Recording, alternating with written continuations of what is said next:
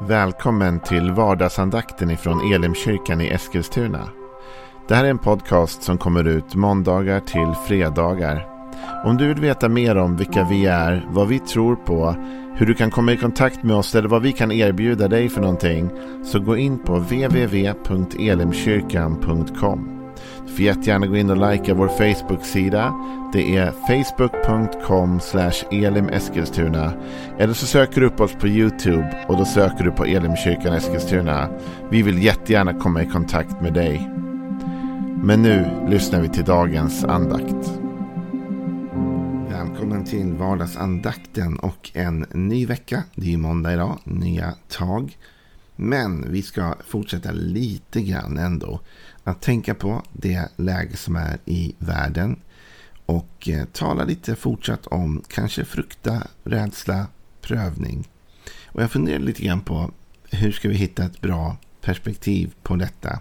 Hur man kan hantera de här sakerna. Och så tänkte jag på Jesus. Och så tänkte jag på det vi läser om Jesus svåra prövning och stund i livet. Och Jesus, han har ju faktiskt en situation där han upplever oerhörd oro och ängslan. Till och med så att han nästan misströstar om livet. Och det här ska vi läsa om i, från Markus ifrån den 30, eh, det 14 kapitlet och den 32 versen. Jesus kom till en plats som kallas Getsemane. Jesus sa till sina lärjungar, sitt här medan jag ber. Han tog med sig Petrus, Jakob och Johannes. Han greps av bävan och ångest och sa till dem, min själ är djupt bedrövad ända till döds. Stanna här och vaka. Han gick lite längre fram och föll ner på marken och bad om att om möjligt få bli förskonad från denna stund. Han sa, Abba far, allt är möjligt för dig. Ta den här bägaren ifrån mig, men inte som jag vill, utan som du vill. När Jesus kom tillbaka fann han att de sov. Då sa han till Petrus, Simon sover du? Kunde du inte vaka en enda timme? Vaka och be att ni inte kommer i frestelse. Anden är villig, men köttet är svagt. Han gick bort igen och bad med samma ord. När han kom tillbaka fann han återigen att de sov. Deras ögon var tunga av sömn och de visste inte vad de skulle svara honom. Sedan kom han tillbaka för tredje gången och sa till dem, sover ni än och vilar er? Det räcker, stunden har kommit. Nu överlämnas människorna, människosonen i syndarnas händer. Res på er, nu går, han, nu går vi. Han som förråder mig är här. Tänk att Jesus själv i den här stunden upplever sån ångest och bävan att han misströstar. Han blir, hans själ är så djupt bedrövad, säger Jesus, ända till döds. Jesus får någon form av dödsångest här. Han vet ju vad han ska gå igenom för lidande.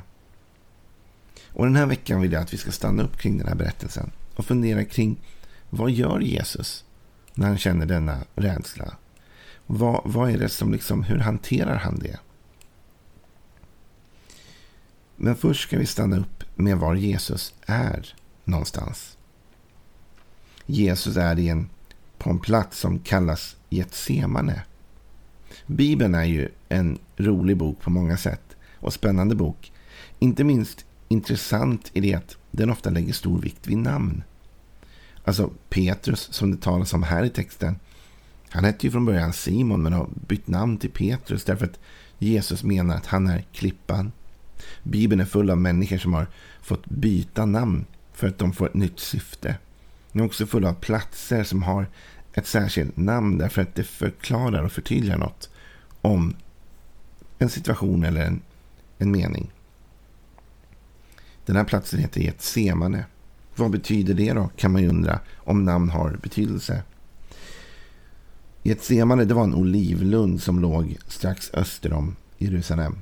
På hebreiska Gatshemen betyder oljepress. Oljepress. Oljepressen olivoljan som pressas och utkommer oljan.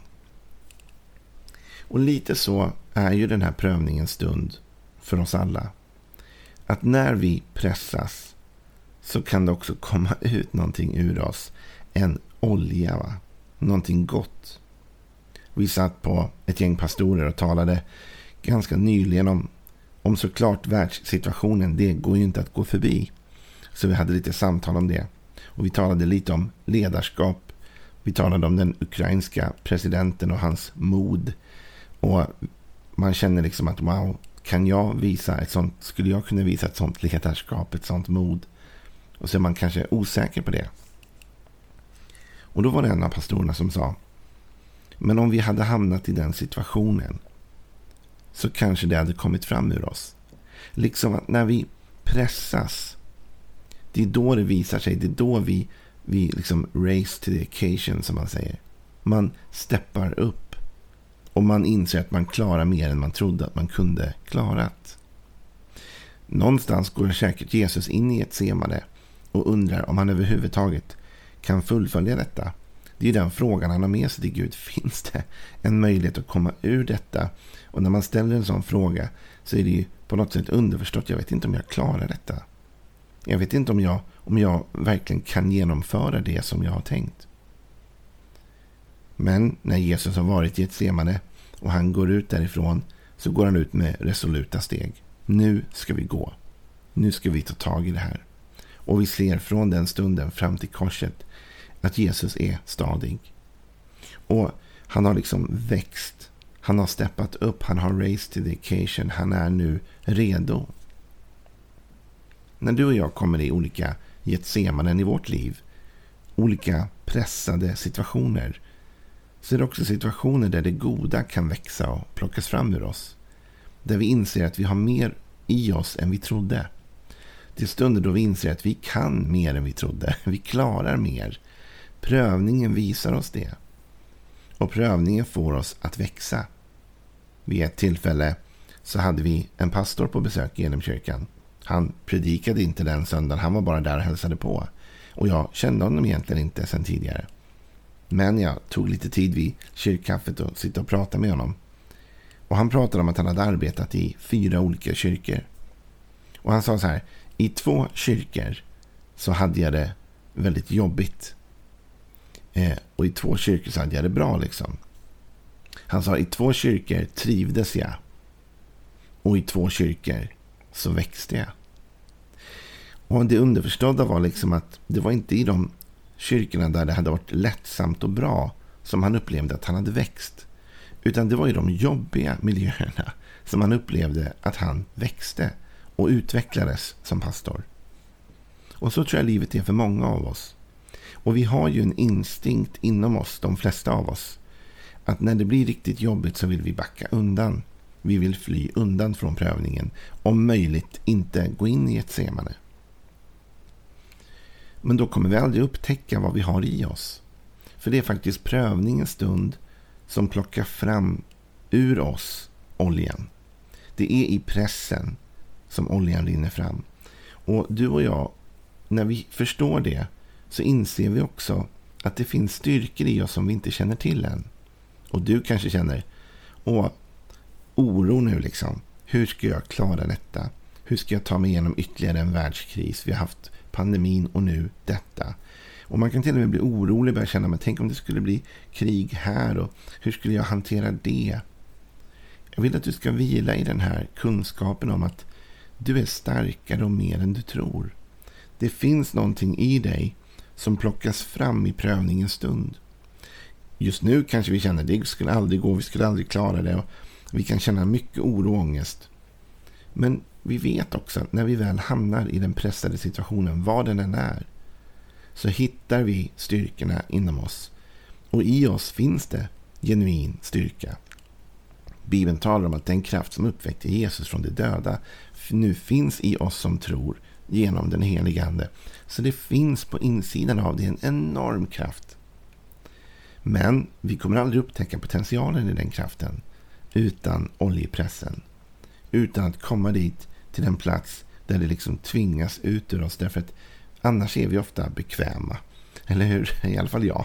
Bekväm och, och man gör inte mer än man behöver jämt. Man håller sig liksom trygg. Va? Man går inte in i onödiga utmaningar och problem. Men det är när vi sätts i de situationerna som verkligen vår karaktär visar sig. Och Det är då vi kan se andra bibelord i Bibeln som, som vi kan ha svårt att förstå annars. Jakobsbrevet 1 till exempel säger så här i vers 2. Räkna det som en ren glädje, mina bröder, när ni råkar ut för olika slags prövningar. Ni vet ju att när er tro prövas ger det uthållighet. Och låt uthålligheten leda till fulländad gärning, så att ni är fullkomliga och hela utan brist på något sätt. Du och jag, vi vill väl alla bli fria från våra brister, eller? Är det inte det vi längtar efter? Att bli fullkomliga utan brist. Det vore ju ett drömscenario.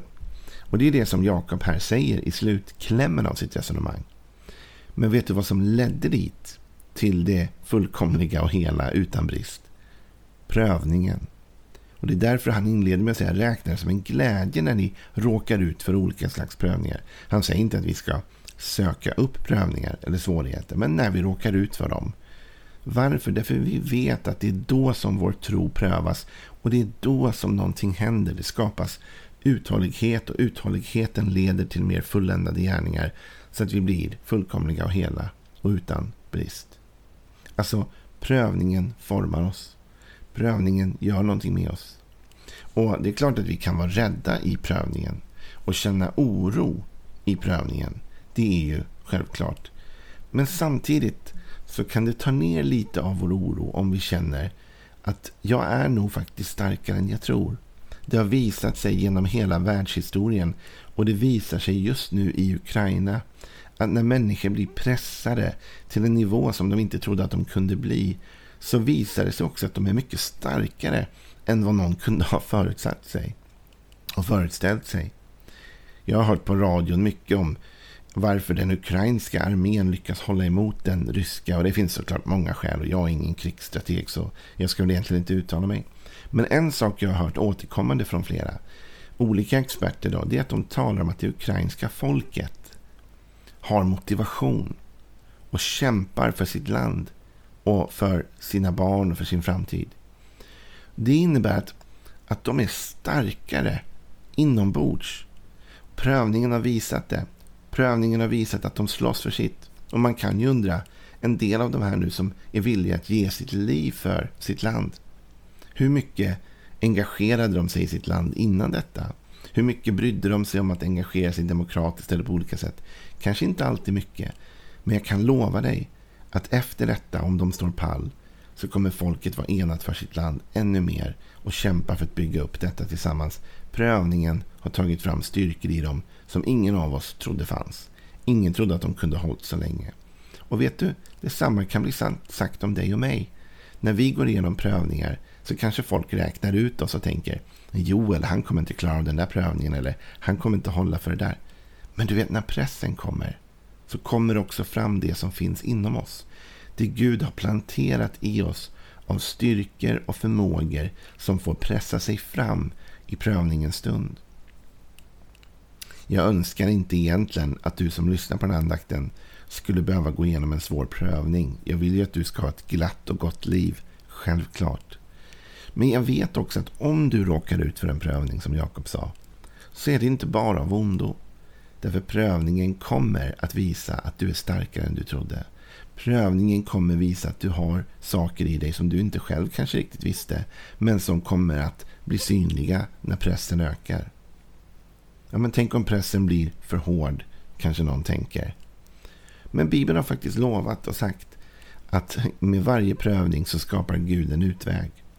Och jag tror att innan vi har nått slutet av vår egen förmåga, eller vår egen förmåga möjligtvis, men innan vi har nått slutet så har Gud öppnat en ny väg. Gud hittar en väg ut ur prövningen. Gud vet när Getsemane tar slut, för någonstans tar det slut. Och faktum är att Bibeln talar om att om vi orkar stå fasta i de här prövningarna under den här pressen som är oerhört jobbig och inte alls lätt att hantera. Så kommer det också bli en belöning av detta. Och det är ju någonting som vi kan se fram emot. Jakob säger lite senare här i samma kapitel, i Jakob 1 och 12. Salig är den som håller ut i prövningen, för när han har bestått provet ska han få livets krona som Gud har lovat dem som älskar honom. Så det finns en belöning på andra sidan prövningen när vi har tagit oss igenom. Den här veckan kommer vi fortsätta att läsa om Getsemane. Och jag kommer lyfta fram vad vi praktiskt kan göra för att underlätta vår oro, ångest, till och med dödsångest som Jesus talar om. För Jesus tar en massa kloka beslut ändå i den här trädgården för att orka igenom. Men för idag får vi nöja oss med detta. Att när vi blir pressade och när vi hamnar i vårt Getsemane så ska vi ändå veta att det för någonting gott med sig. Vi kommer hitta styrkor hos oss själva vi inte ens visste att vi hade.